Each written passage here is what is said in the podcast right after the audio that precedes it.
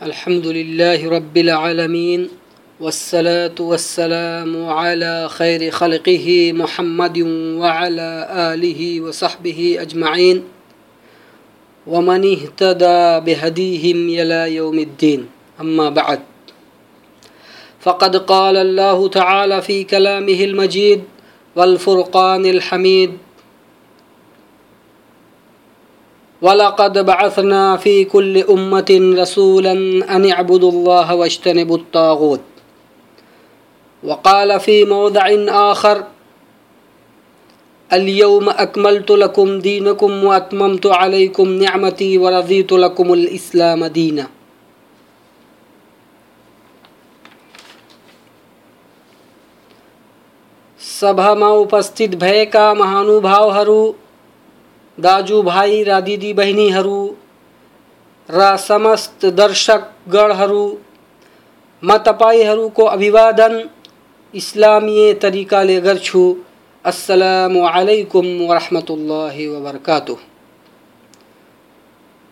म आजको दिन, यस शुभ समय, र अवसरमा सत्य ईश्वरको बारेमा केही ज्ञानवर्धक कुरा प्रस्तुत गर्ने आँट गरेको छु।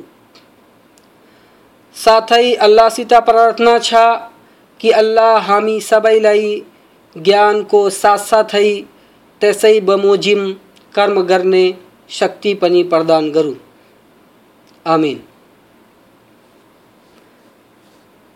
मैले अहिले कुरानका दुई श्लोकहरू श्लोकहरूको पाठ गरेको छु। त्यसको अर्थलाई हेर्नुहोस् र त्यसलाई बुझ्ने प्रयत्न गर्नुहोस् अल्लाहको फरमान छ, हामीले प्रत्येक समुदायतिर आफ्ना सन्देष्टाहरू पठायौँ। यस आदेशको साथ साथ कि तिमीहरू मात्र अल्लाहकै पूजा गर र त्यसबाहेक समस्त मिथ्या पूज्यहरूबाट टाढा रह। र अर्को श्लोकमा अल्लाहको भनाइ छ, हे नबी करीम सल्लल्लाहु अलैहि वसल्लम, मैले आजको दिन, अर्थात् हजको दिन, किनकि यो श्लोक हज को दिन अर्फातमा अवतरित भएको थियो।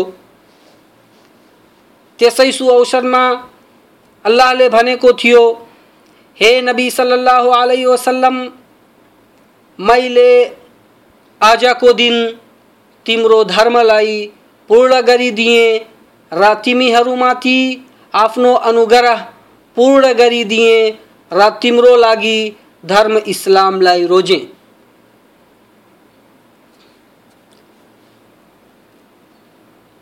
उपस्थित भएका दर्शकबिन्दहरू यस संसारमा विभिन्न प्रकारका मान्छेहरू बस्छन् र विभिन्न प्रकारका आस्था र धर्महरूमा विश्वास राख्छन्।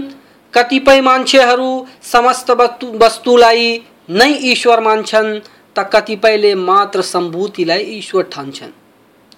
त कतिपयले असम्भूतिलाई ईश्वर मानी पूजा गर्छन्, त कतिपयले आगोलाई ईश्वर मान्छन् त कतिपयले ईश्वर मानी पूज्छन् अनि कतिपयले मात्र एक ईश्वरमा विश्वास राख्छन्, जस्तो कि मुस्लिम। अनि कतिपय यस्ता नास्तिकहरू पनि छन्, जुन ईश्वरलाई मान्दैनन्, त कतिपयले ईशदूतलाई नै ईश्वर भन्छन्, त कतिपयले स्वर्गदूतलाई नै ईश्वर मानी पुज्दछन्। अर्थात् यस दुनियाँमा, यस संसारमा, यस विश्वमा अनेकौँ थरीका मान्छेहरू छन्। न अनेकौँ किसिमले, अनेकौँ प्रकारले पूज्य मान्छन् र त्यसलाई पुज्छन्। तर ईश्वर वास्तवमा छ कि छैन? यदि छ भने, कसको ईश्वर सत्य हो र कसको धर्म सत्य हो र कसको धर्म सत्य ईश्वर तर्फ आमन्त्रित गर्छ, यसै कुरालाई प्रश्न पार्ने प्रयास म यस वक्तव्यमा गर्नेछु। मेरो अल्लाहसित यो प्रार्थना छ कि मलाई सत्य बोल्ने र त्यसलाई प्रमाणित गर्ने शक्ति प्रमाण गरून्। आमिन। ईश्वर छ कि छैन? यस कुरामा विचार गर्दाखेरि सर्वप्रथम ती मान्छेहरूको आस्थालाई प्रमाणको तुलामा राखी जाँच गरौँ। जुन यो भन्छन् कि ईश्वर छैन। बरु यो समस्त ब्रह्माण्ड आफै गतिशील छ। अर्थात् यसलाई सृष्टि गर्नेवाला कुनै स्रष्टा नै छैन, न त यसको कुनै प्रचालक छ। बरु यो ब्रह्माण्ड एक्कासी उत्पन्न भएको छ। हे सर्वश्रेष्ठ जीवधारी हे मानवगण, हे बुद्धिजीवहरू, के यस्तो सम्भव छ? के कुनै पनि बुद्धिमान यस्तो कुरा गर्न सक्छ? कि कुनै वस्तु बिना कुनै आविष्कारी आविष्कृत होस् यदि यस्तो भन्न सक्दैन भने यत्रो ठुलो ब्रह्माण्ड आफै कसरी निर्मित हुन सक्छ? हे पूज्यलाई नमान्ने नास्तिकहरू, आऊ म तिमीहरूलाई सत्यबाट परिचय गराउँछु। सर्वप्रथम ईश्वर हुनुका प्रमाणहरू हेर्नुहोस् ईश्वर हुनुको सबैभन्दा ठुलो प्रमाण हो हाम्रो यो शरीर र हाम्रो आत्मा। हाम्रो यस शरीरलाई कसले आविष्कार गर्यो? यसमा आत्मा कसले हाल्यो र कसरी हाल्यो? र किन हाल्यो? र आत्मा के हो? के के यो शरीर आफै निर्मित भयो? के यो आत्मा आफै निर्मित भयो? वा कुनै शक्ति छ जुन यो सबै कार्य निरन्तरताले गरिरहेको छ? यो सबै प्रश्नहरूको उत्तर नास्तिकहरूसँग छैन, तर प्रत्येक आस्थावानसँग यसको प्रश्न उत्तर छ। त्यो हो, कुनै वस्तु आफै निर्मित हुन सक्दैन। जसरी कलम, मिसाइल, लुगा, जुत्ता आदि। हामी सबैलाई यो थाहा छ कि उपरोक्तका वस्तुहरूको निर्माताहरू छन् र जुन बुद्धिले यी वस्तुहरूको निर्माण गरिएको छ, त्यो बुद्धि, त्यो बुद्धिको पनि निर्माता छ। र त्यो साधन जसलाई प्रयोग गरेर यो सा, यो वस्तुहरूलाई निर्मित गरिएको छ, त्यो साधनको पनि निर्माता छ। र सबै साधनहरू र सामानहरू सामग्रीहरूको निर्माता, त्यो शक्तिशाली ईश्वर नै हुन्, जहाँले हाम्रो शरीर र आत्मा र सर्व सृष्टिलाई सृष्टि गरेका हुन्। र त्यो निर्माता नै हाम्रो सबैको परम दयालु ईश्वर, परम दयालु पूज्य र अंतिम ग्रंथ अवतरित करने वाला ज्ञानवान अल्लाह त्यो सर्वगुण सम्पन्न अल्लाह आफ्नो अन्तिम ग्रन्थ कुरानमा भन्नुहुन्छ हे ईमान इमान राख्नेवालाहरू, अर्थात् आस्थावानहरू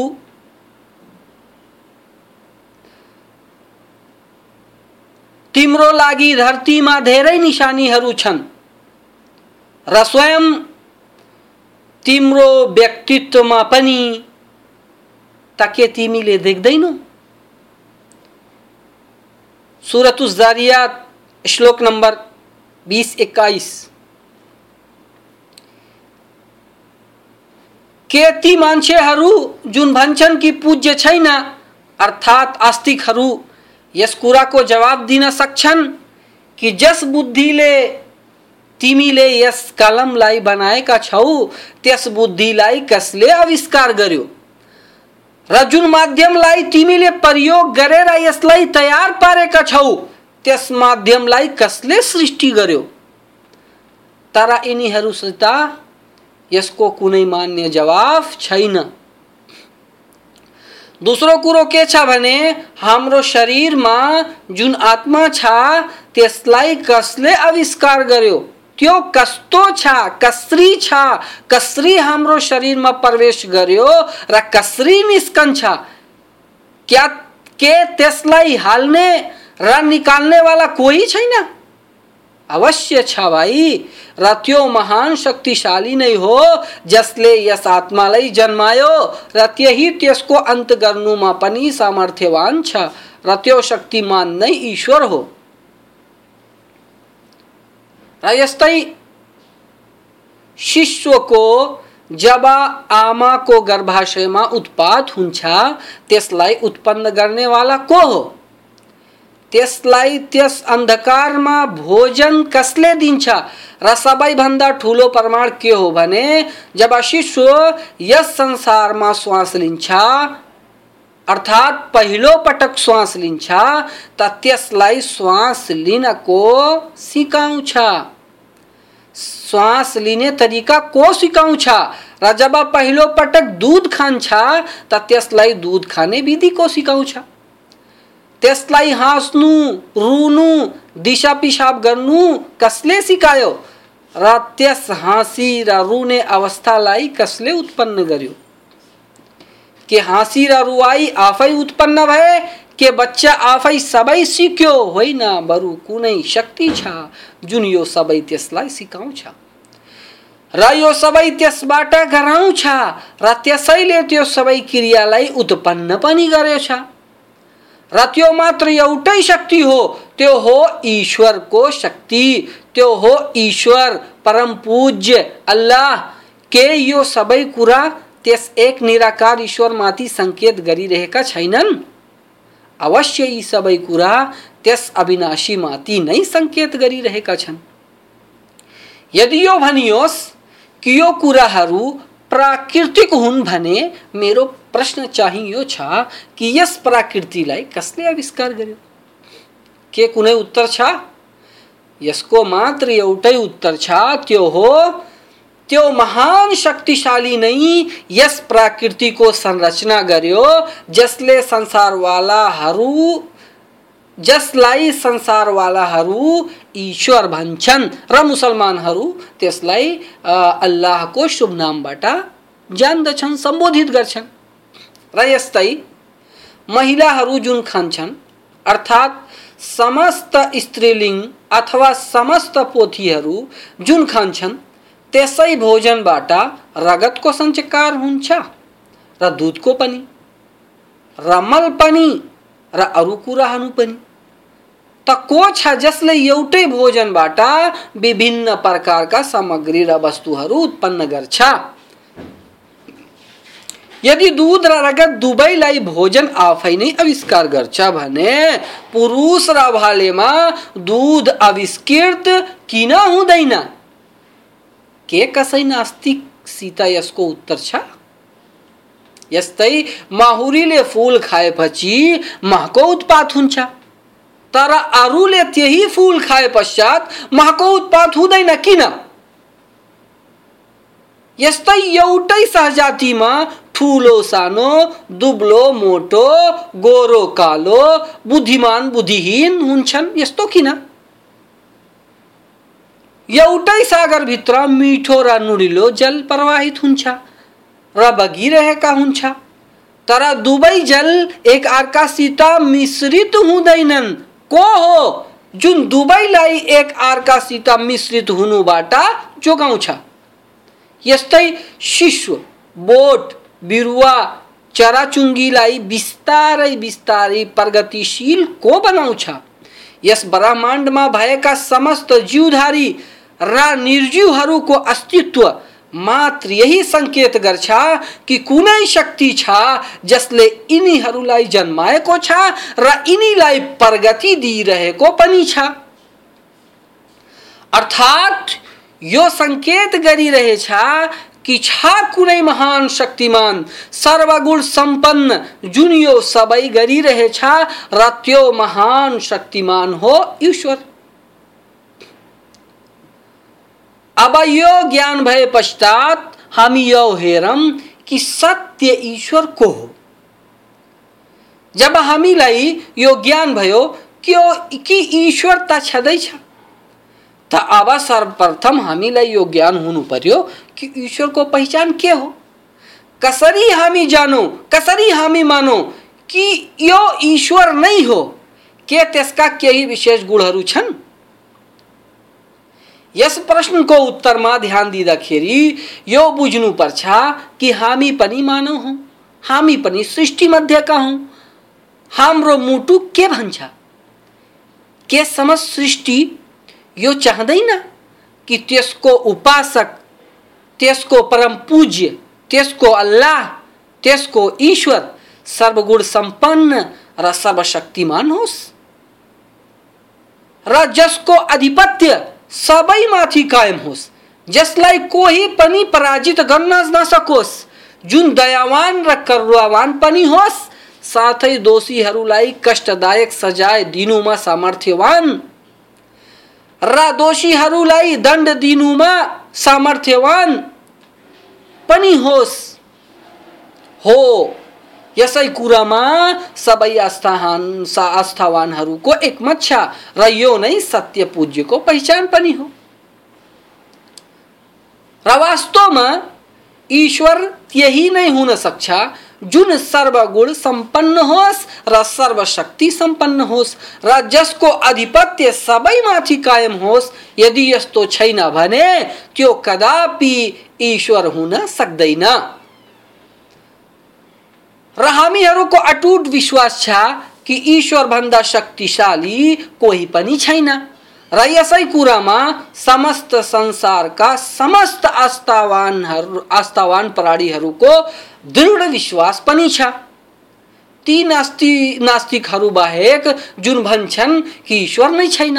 बरु यो ब्रह्माण्ड आफै गतिशील छ र यसको कुनै प्रचालक छैन। यो आफै प्रचलित छ। तर यसलाई हामी अघि नै सिद्ध गरिसकेका छौँ कि बिना निर्माता कुनै वस्तु निर्मित हुँदैन। तसर्थ यी नास्तिकहरूको कुरो अवैधानिक र अमान्य एवं निराधार छ।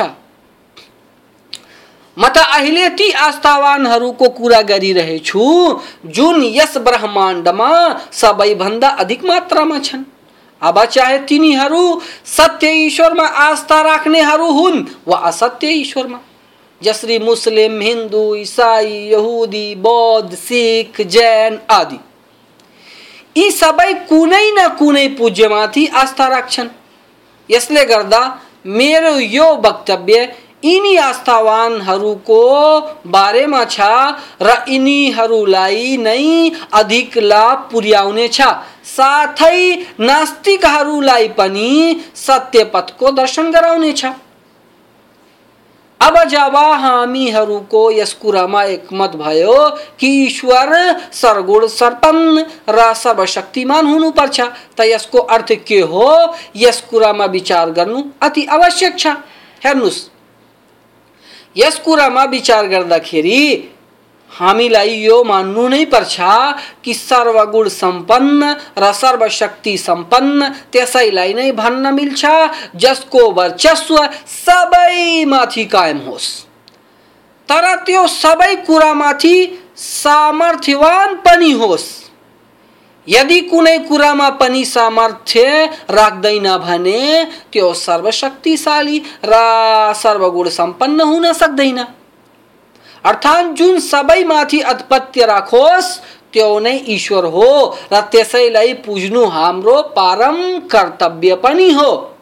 अब हामीलाई यो थाहा भयो कि ईश्वर छ र सबैमाथि आधिपत्यशाली पनि छ। जस्तो कि हामीले वर्णन गरे, अब हामी आफ्नो कुरालाई अगाडि बढाउँ र यो प्रश्नको उत्तर खोजौँ कि यदि ईश्वर छ र सर्वशक्ति सम्पन्न छ भने त्यसमा, सत्यमा त्यो ईश्वर को हो? अब यस कुराको प्रारम्भ गरौँ। उनीहरूको कथनबाट जुन भन्छन् कि प्रत्येक वस्तु ईश्वर हो। यदि प्रत्येक वस्तु ईश्वर हो भने प्रत्येक वस्तुलाई सर्वशक्तिमान हुनु पर्यो, र प्रत्येक वस्तुको वर्चस्व सबैमाथि कायम हुनु पर्यो। र यो कदापि हुन सक्दैन। असम्भव छ। यो असम्भव छ कि प्रत्येक वस्तुको वर्चस्व कायम होस्, किनकि एकको अधिपत्य सबैमाथि कायम भए पश्चात अर्काको अधिपत्य कायम हुनुको कुरै उठ्दैन। यसले गर्दा यो आस्था निराधार छ र असम्भव पनि छ। यसको उदाहरण यसरी हेर्नुहोस्, के सूर्य, चन्द्र र वायु, यी तिनवटैको वर्चस्व कसरी कायम हुन सक्छ? यदि सूर्यको वर्च, सूर्यको वर्चस्व कायम भयो भने चन्द्र र वायु त्यसभन्दा शक्तिशाली हुन सक्दैनन् अर्थात् सूर्य सबैभन्दा शक्तिशाली छ। तर यदि चन्द्रको वर्चस्व सूर्य र वायुमाथि कायम भयो भने चन्द्र सूर्य र वायुभन्दा शक्तिशाली छ। यस्तै वायुको बारेमा पनि बारेमा पनि बुझिहाल्नुहोस् अर्थात् तिनवटैको वर्चस्व कदापि कायम हुन सक्दैन। तसर्थ तिनवटै वयस जस्तै सबै वस्तु ईश्वर कसरी हुन सक्छन्? आफै विचार गर्नुहोस्। र दोस्रो कुरो के छ भने, सबै वस्तु जसरी सूर्य, चन्द्र, आगो, मूर्ति, वायु जीवधारी निर्जीव ईशदूत स्वर्गदूत, ऋषि, मुनि आदि सबै सृष्टि हुन्। र सृष्टिको कुनै न कुनै स्रष्टा हुन्छ। जसको यी वस्तुहरू अधीन हुन्छन्। र त्यसको दयाको मुखापेक्षी हुन्छन्। अनि ईश्वर कसरी हुन सक्छन्? तसर्थ यो धारणा र आस्था प्रमाण विहीन र अमान्य छ। अब लागौ तिनीहरूको आस्थातिर जुन भन्छन् कि अधियारो अथवा प्रकाश ईश्वर हो। यो आस्था पनि प्रमाणविहीन छ, किनकि अधियारो र प्रकाश आफै आविष्कृत भएका छैनन्। बरु कुनै शक्ति छ, जुन अधियारो र प्रकाशलाई प्रकट गराउँछ। तसर्थ अधियारो र उज्यालो पनि ईश्वर हुन सक्दैनन्। यो आस्था पनि निराधार र प्रमाणविहीन छ। अब ती मान्छेहरूको ती मान्छेहरूको आस्थातर्फ लागौँ, जुन भन्छन् कि कुनै विशेष प्राणी ईश्वर हो, जसरी कुनै सन्देष्टा मनुष्य, देवदूत, बलि, वली, राम, कृष्ण आदि। त यो आस्था पनि प्रमाणको तुलामा सत्य ठहर हुँदैन, जस्तो कि यहुदीहरू र इसाईहरू र हिन्दूहरू आफ्ना आस्थाहरूमा भन्छन् किनकि यिनीहरूलाई जन्माउने कुनै महाशक्तिमान छ जुन यिनीहरूभन्दा अधिक शक्तिशाली छ र जन्मिने वस्तुबाट जन्माउनेवाला शक्तिमान हुन्छ तसर्थ यो आस्था पनि अमान्य ठहर भयो किनकि जसरी इसाईहरू भन्छन् कि ईसा अलैहिस्सलाम पूज्य हुन् तर ईसा अलैहिस्सलामका सृष्टि मध्येका हुन् पूज्य कसरी हुन सक्छन् यस्तै हिन्दूहरू भन्छन्, कृष्ण अथवा राम पूज्य हुन्। तर उनीहरू सृष्टि मध्येका हुन् पूज्य कसरी हुन सक्छन्? यस्तै अरू धर्महरू पनि केही मनुष्यहरू, केही सृष्टिहरूलाई पूजा गर्छन् र पूज्य भन्छन्, तर सबै निराधार छन्। किनकि सृष्टि पूज्य हुनै सक्दैन अब ती हस्तहरूलाई हेरौँ जसमा यो भनिएको छ कि ईश्वर तीन छन्। जस्तो कि इसाई र हिन्दूको आस्था पनि छ, उनीहरूको आस्था मध्ये यो पनि हो कि तिनवटा एउटै एउटा तिनटा। अर्थात् एक प्लस एक प्लस एक बराबर एक। यस्तो हुन सक्दैन। यदि हमरो यो में एकमत छ कि ईश्वर त्यही नै हुन सक्छ, जुन सबैभन्दा शक्तिशाली होस् र जसको आधिपत्य सबैमाथि कायम होस् भने तिनको वर्चस्व एक अर्कामाथि कसरी सिद्ध गर्न सकिन्छ? यो त असम्भव छ। हामी यसलाई अघि नै सिद्ध गरिसकेका छौँ कि तीन मध्ये सबै सर्वशक्ति सम्पन्न हुन सक्दैनन्, बरु एकको वर्चस्व सबैमाथि कायम हुनु आवश्यक छ। अनि यो आस्था पनि अमान्य निराधार भयो। तर यदि हामी एकछिनको लागि यो मानिहालौँ कि तिनवटै ईश्वर हुन सक्छन् भने पूजा कसको गर्ने? जस्तो कि इसाईहरू भन्छन् कि ईश्वर तीन मिलेर बनेछन्। रुहुल कुद्स, अल्लाह र ईसा। व केही इसाईहरू भन्छन् कि ईश्वर तीन को संग्रह हो। अल्लाह रूहुल कुद्स अथवा ईसा व मरियम। यो पनि केही इसाईहरूको धारणा छ। यस्तै पनि तिनलाई ईश्वर मान्छन्। ब्रह्मा, विष्णु, शिव। तर तीन कसरी हुन सक्छन्। यदि तीनौँलाई हामीले माने जसले मैले हम मैले अहिले भने, त एउटाको पूजा गर्दा अर्को रिसाउँछ र अर्कोको पूजा गर्दा पहिलो रिसाउँछ एउटा भन्छ, आज सूर्यको उदय हुँदैन। त अर्को रिसाई भन्छ, चुप लाग। आज त म वर्षा नै गराउने छु। त तेस्रोले भन्छ, होइन होइन।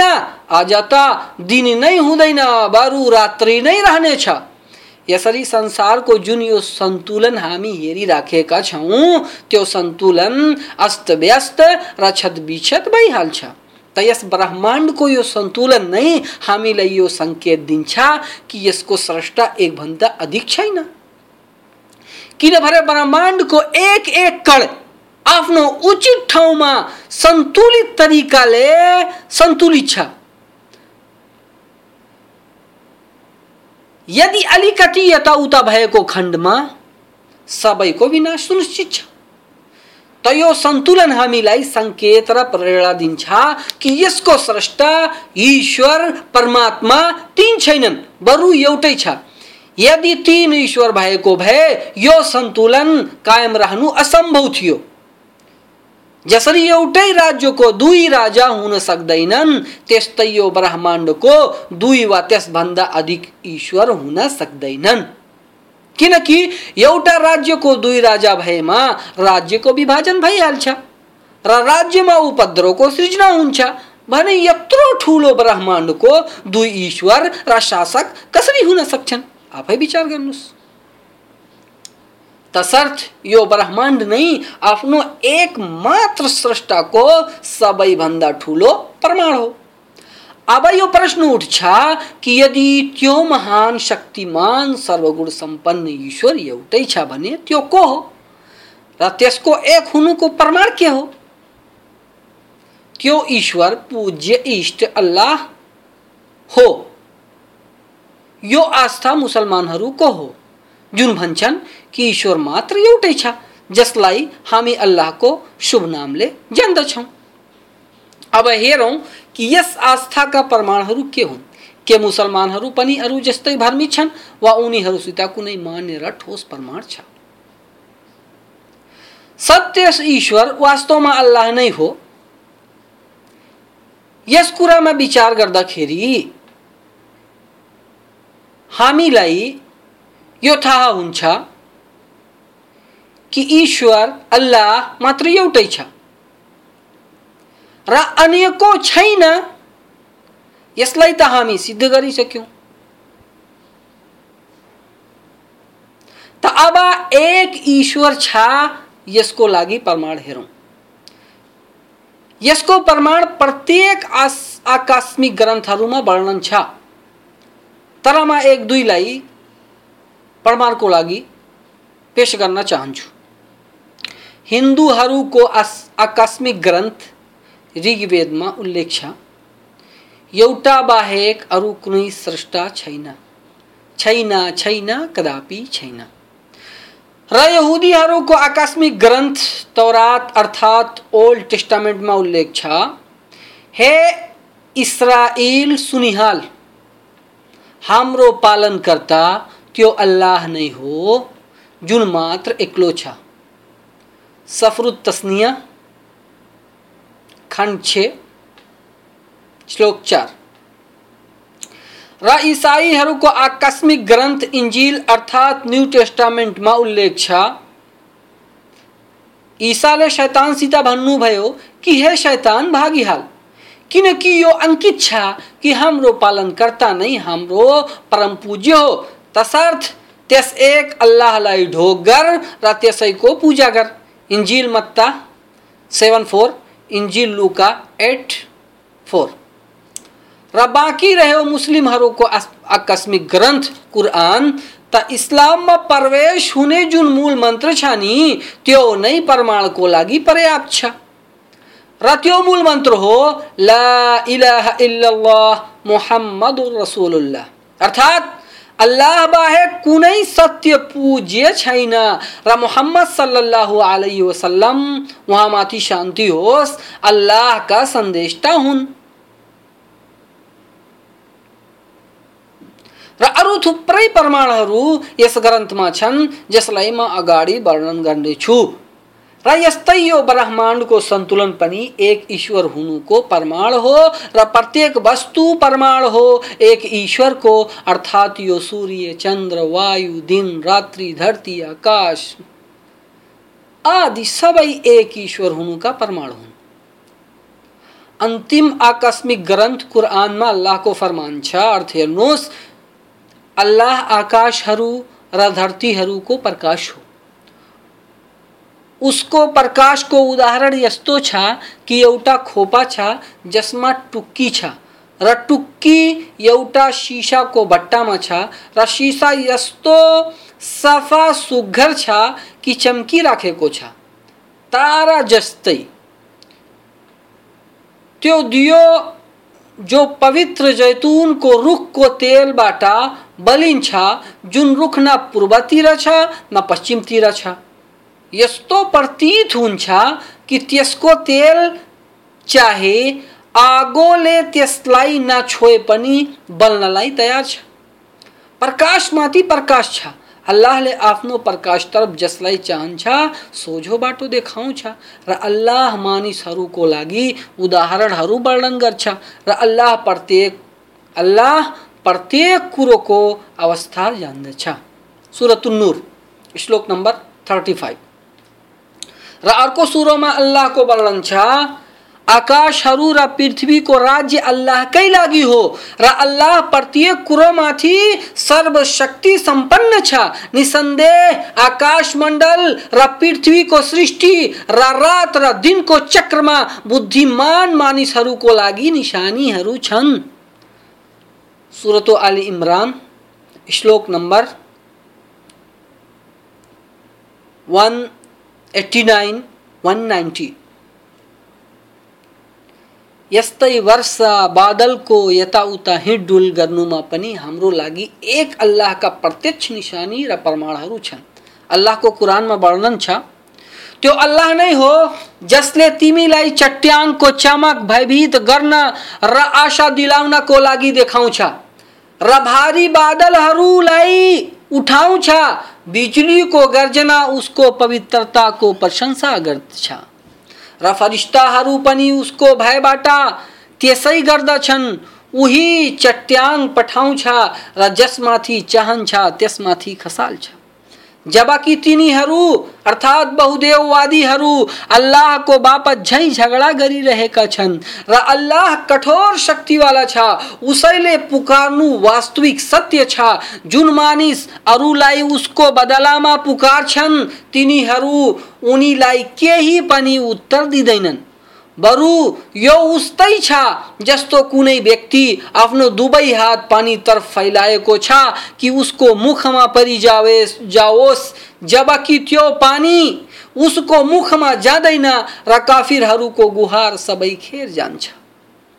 सुरतुर राद, श्लोक नम्बर ट्वेल्भ टु फोर्टिन। तर हे भाइहरू, हामी अटेरी गरेर त्यसको अवज्ञा गर्छौँ। र त्यसबाहेक अरूलाई पूज्य बनाई पुकार्दछौँ। अल्लाहको कथन छ, अर्थ र उनीहरूले अल्लाहलाई जस्तो सम्मान गर्नुपर्छ गर्न सकेनन्। जबकि क्यामतको दिन सम्पूर्ण धरती, अर्थात् प्रलयको दिन सम्पूर्ण धरती उसको मुठीमा हुनेछ र आकाशहरू उसको दाहिने हातमा बेरिएका हुनेछन्। ऊ महान र उच्च छ। त्यस, त्यस्तो प्रत्येक कुराभन्दा जसलाई उनीहरूले उसको साझेदार ठहराउँछन्, साझेदार ठहरानो को लागी गर्छन। सूरत जुमर, श्लोक नंबर 67 र अर्को सुरतमा अल्लाहको भनाइ छ के तिमीले देखेनौ कि आकाशहरूमा भएका र पृथ्वीमा भएकाहरू सूर्य, र चन्द्र र ताराहरू र पहाडहरू र रुखहरू र चपायाहरू र धेरै जसो मानिसहरू अल्लाहलाई ढोक्दैछन् र धेरै यस्ता छन् जसको सम्बन्धमा यातना प्रमाणित भइसकेको छ। र जुन मानिसलाई अल्लाहले अपमानित गर्दछ त्यसलाई कसैले प्रतिष्ठा प्रदान गर्न सक्दैन। निसन्देह अल्लाहले जे चाहन्छ गर्दछ सुरतुल हज, श्लोक नम्बर एट्टिन यस्तै बच्चालाई गर्भाशयमा पालन पोषण र पोषण तथ्य पुर्याउनु र त्यसलाई निरन्तरताले बढाउनु, यो क्रिया पनि एक अल्लाह तर्फ सङ्केत दिन्छ जस्तो कि कुरानमा अल्लाहको फरमान छ। हे मानिसहरू यदि तिमीलाई मृत्यु पश्चात पुनर्जीवित हुने विषयमा कुनै सन्देह छ भने सोच। हामीले तिमीलाई माटोबाट सृष्टि गर्यौँ अनि वीर्यबाट, अनि रगतको डल्लोबाट, अनि मासुको डल्लोबाट जुन आकार दिएको थियो, जसको कुनै रूप थिएन। जुन आकार दिएको थियौँ, जसको कुनै रूप थिएन ताकि हामीले तिमीलाई स्पष्ट पारिदियौँ र हामीले जसलाई चाहन्छौँ, एक निर्धारित समयसम्म आमाको पेटमा राख्छौँ। अनि त्यसपछि तिमीलाई एउटा बच्चाको रूपमा दुनियाँमा ल्याउँछौँ। अनि तिमीले आफ्नो युवा अवस्था प्राप्त गर र तिमी मध्ये केही त पहिले नै मरिहाल्छन् र केही बुढेसको जीर्ण अवस्थातिर लगिन्छन्। जसले गर्दा धेरै कुराको ज्ञान भएर पनि अज्ञान हुन्छन्। तिमीले देख्छौ कि जमिन सुकिसकेको बन्जर छ। फेरि जब हामीले त्यसमाथि पानीको वर्षा गराउँछौँ, तब त्यसमा हरियाली हुन्छ र त्यसमा सजीवता आउँछ र यो हरेक प्रकारको रुख बिरुवाबाट शोभायमान हुन्छ। सुरतुल हज, श्लोक नम्बर फाइभ र अर्को ठाउँमा अल्लाहको भनाइ छ, उसले तिमी सबैलाई एक ज्यानबाट सृष्टि गर्यो अनि उसैबाट जोडी बनायो र उसैले तिम्रो निम्ति चौपाया मध्ये आठ जोडीहरू भाले पोथी बनायो। उसैले तिम्रा आमाहरूको पेटमा एउटा आकारपछि अर्को आकारमा सिर्जना गर्दछ। तिन तिन अध्यारोहरूमा उही अल्लाह तिम्रो पालन करता हो। सत्ता उसैको हो। उस बाहेक कोही सत्य पूज्य छैन। अनि तिमी कहाँ बाँकी रहेका छौ? सुरत जुमर, श्लोक नम्बर सिक्स। र अर्को ठाउँमा अल्लाहको भनाइ छ, अर्थ, हे मानव, कुन कुराले तिमीलाई आफ्नो उदार पालनकर्ताको विषयमा भ्रममा पारेको छ?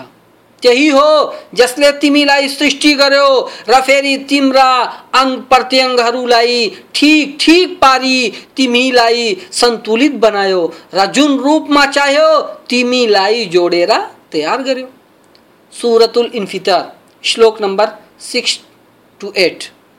र अर्को ठाउँमा अल्लाहको भनाइ छ, जुन मानिसहरू ठुला ठुला पाप र अश्लील कर्महरूबाट पन्छिन्छन् केही सानातिना पाप बाहेक निश्चय नै तिम्रो पालन पालनकर्ता क्षमाशीलतामा बडो व्यापक छ। उसले तिमीलाई राम्ररी जान्दछ। जब उसले तिमीलाई माटोबाट सृष्टि गर्यो र जब तिमी आफ्ना आमाहरूको पेटमा भ्रूण अवस्थामा थियौ, तसर्थ आफ्नो मनको पवित्रताको दावी आफै नगर। उसले संयमीहरूलाई राम्ररी जान्दछ। सुरतुल नज्म, श्लोक नम्बर थर्टी टू यस्तै माहुरीले जुन महरा घर बनाउँछ, त्यो त्यसलाई कसले सिकायो, यसमा विचार गरेमा पनि एउटै अल्लाहको प्रमाण मिल्छ। जस्तो कि अल्लाहको कुरानमा भनाइ छ, तपाईँको पालनकर्ताले माहुरीलाई आदेश गर्यो कि पहाडहरूमा, रुखहरूमा र मानिसले बनाएका अग्ला अग्ला निवास स्थानहरूमा चाका बनाऊ। र हरेक किसिमको फलफुल खाऊ। र आफ्नो पालनकर्ताको सरल मार्गमा हिँड्ने गर उनको पेटबाट रङ बिरङ्गी पिउने कुरा निस्कन्छन् जसका विभिन्न रंगहरू हुन्छन्। र त्यसमा मानिसहरूको कैयौँ उपचार छ। निसन्देह चिन्तन मनन गर्नेहरूको निम्ति उसमा पनि ठुलो निशानी छ। अल्लाहले नै तिम्रो सृष्टि गरेका छन्। अनि उसैले अनि उनैले तिमीलाई मृत्यु दिनेछन् र तिमीहरूमध्ये केही यस्ता छन् कि निकै कमज़ोर वृद्ध अवस्थामा पुग्छन् र धेरै कुराहरूको ज्ञान हासिल गरेपछि पनि अनभिग भइहाल्छन् निसन्देह अल्लाह ज्ञाता, र सर्वगुण सम्पन्न र सर्वशक्ति सम्पन्न छ। सुरतुल श्लोक number sixty eight to seventy र त्यो अल्लाह सर्वशक्ति सम्पन्न र सर्वगुण सम्पन्न छ, जस्तो कि वर्णन गरिएका आयतहरू श्लोकहरूबाट स्पष्ट भयो र केही अरू आयतहरू पनि हेर्नुहोस्। कुरानमा अल्लाहको वर्णन छ, अर्थ, अल्लाह नै वास्तवमा सत्य पूजनीय हो। उस बाहेक अरू कोही पूज्य छैन, उस सधैँ जीवित रहने वाला र सबैलाई थाम सक्ने वाला छ।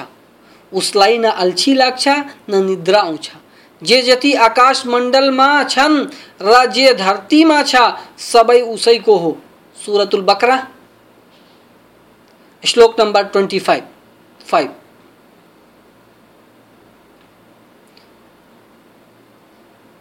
र सुरत युनुसमा अल्लाहको भनाइ छ।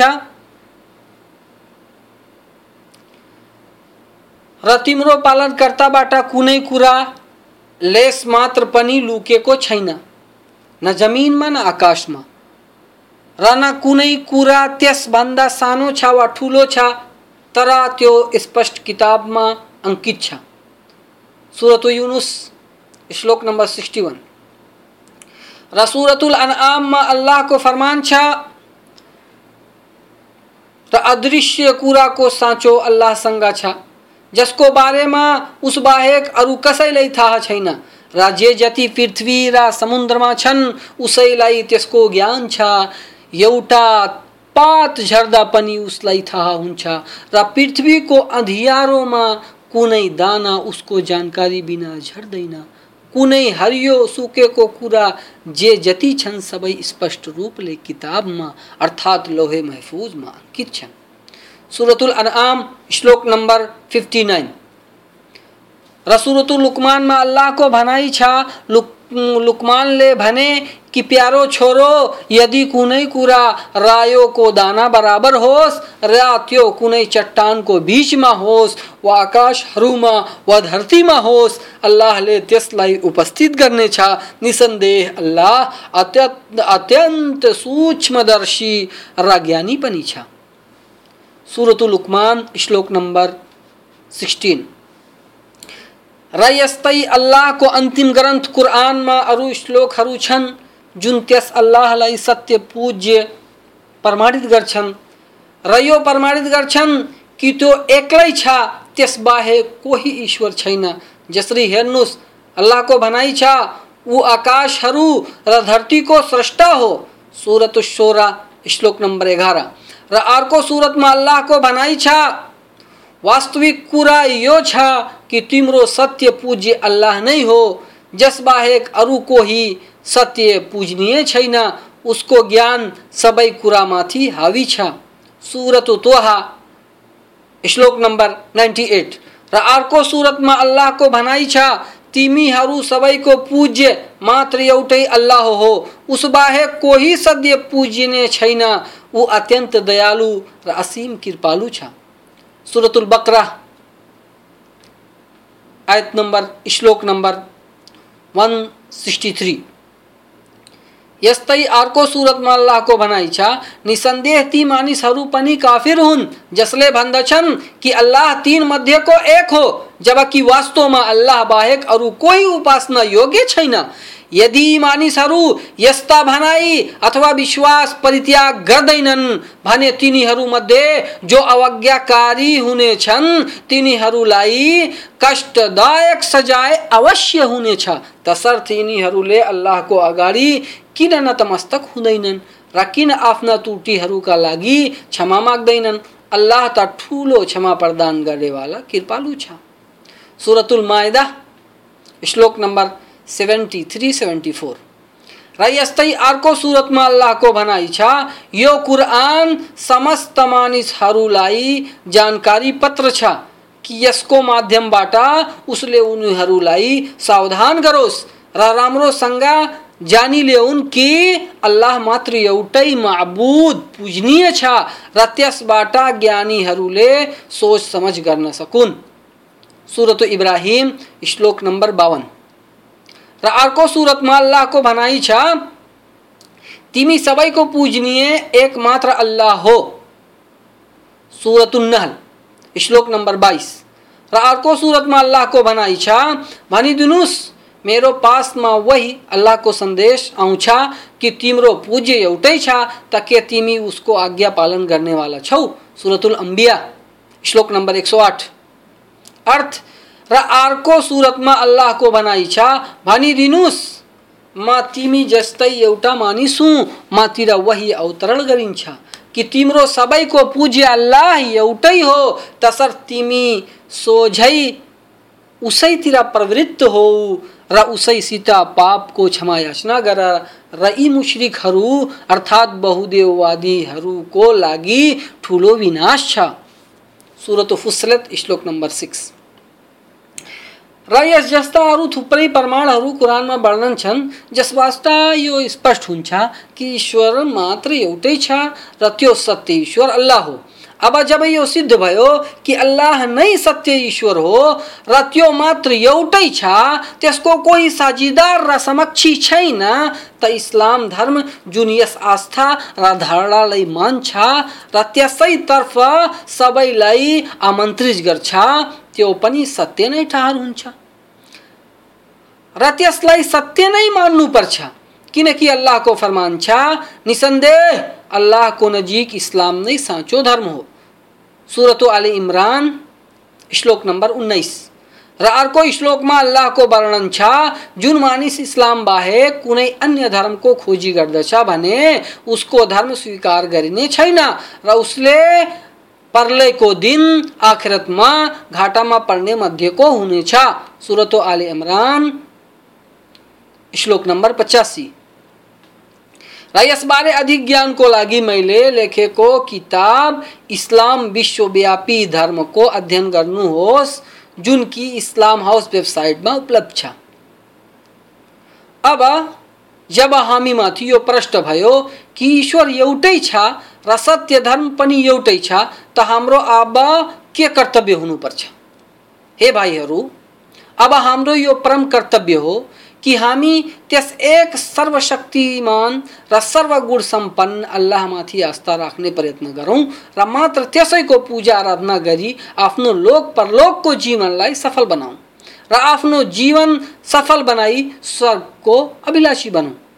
हे भाइ, सत्य जाने पश्चात सत्यलाई नअपनाउनु बरु त्यसलाई नकार्नु, यस्तै सुमार्ग पाए पश्चात कुमार्गमा हिँड्नु घोर र जघन्य अपराध हो। यसले गर्दा हामी आफै आफूलाई विनाशमा नपारौँ। बरु त्यसै एक अल्लाहको पूजा, आराधना गरौँ जसबाहेक कुनै सत्य पूज्य छैन। त्यो अल्लाह नै मात्र एउटा सत्य पूज्य हो, तसर्थ त्यसको निर्देशनहरूबाट मुख नफर्काऊ। नत्र तिम्रो कल्याण कहिले पनि सम्भव छैन। र जस जसलाई तिमीहरू पुजिरहेका छौ ती सबै मिलेर तिमीलाई कुनै हानि र नोक्सानी अथवा लाभ पुर्याउन सक्दैनन्। हानि र लाभ त मात्र अल्लाहकै हातमा छ। त्यो अल्लाह जसलाई चाहन्छ सुगमता प्रदान गर्छ। र जसलाई चाहन्छ, त्यसको जीविका सङ्कुचित गरिदिन्छ। त्यसबाट प्रश्न गर्नेवाला कोही छैन। त्यसको आधिपत्य सबैमाथि कायम छ? त्यो जसलाई चाहन्छ प्रतिष्ठा प्रदान गर्छ र जसलाई चाहन्छ अपमानित गरिदिन्छ जसलाई चाहन्छ सम्मान प्रदान गर्छ र जसलाई चाहन्छ दण्डित गरिदिन्छ र जसमाथि आफ्नो अनुग्रह अवतरित गर्न चाहन्छ त्यसलाई सुमार्गमा सुदृढ गरिदिन्छ र जसलाई अपमानित गर्न चाहन्छ त्यसलाई भ्रमित गरिदिन्छ त्यसको कोही समक्षी छैन कि त्यससित कुरै प्रश्न गर्न सकोस्। त्यो एउटा मात्र सब सर्वशक्तिशाली र सर्वगुण सर्पन, सम्पन्न अल्लाह छ। त्यो अल्लाह नै हो जसबाट सबै भयभीत छन्। त्यसको भयबाट आकाश, धरती, सूर्य चंद्र मानव, दानव ईशदूत स्वर्गदूत अर्थात यस आकाश, र पृथ्वीका बीचमा भएका समस्त सृष्टिहरू त्यसको भयले कम्पित हुन्छन्। र यस भएको साक्षात दर्शन तिमी तिमीहरू महाप्रलयको दिन अवश्य गर्नेछौ। यदि यदि आज तपाईँ त्यस महाशक्तिमान अल्लाहसित भय गरेनौ भने त्यस दिन अवश्य भयभीत होने छौ। तसर्थ, हे भाई, सबै मोह माया छाडी त्यसै एक अल्लाह तर्फ दत्तचित्त हो र उसैको प्रसन्नता प्राप्त गर्ने प्रयास गर र उसैको अन्तिम धर्म र अन्तिम ग्रन्थ र अन्तिम सन्देष्टा माथि इमान ल्याई स्वर्गमा जाने सुअवसर प्राप्त गर। अन्तमा मेरो तपाईँहरूसित यो निवेदन छ कि मेरो यो सानो वक्तव्यलाई सुने पश्चात यसमा ध्यान दिनुहोला र यसमा वर्णन गरिएका समस्त प्रमाणहरूलाई सोच विचार गरी सुमार्गमा आउने प्रयत्न गर्नुहोला। र अल्लाह सीता प्रार्थना छ कि अल्लाह हामी सबैलाई धर्म इस्लामलाई पूर्ण रूपले स्वीकार गर्ने सौभाग्य प्रदान गरून् र त्यसका समस्त निर्देशनहरूलाई अपनाई त्यसबाट लाभान्वित हुने सुअवसर प्रदान गरून्, र हाम्रा माल संपत्ति र सन्तानमा वृद्धि गरून्, र हाम्रा निसन्तान दाजुभाइ दिदी बहिनीहरूलाई सन्तान प्रदान गरी उहाँहरूको मुटुलाई शीतल पारुन्।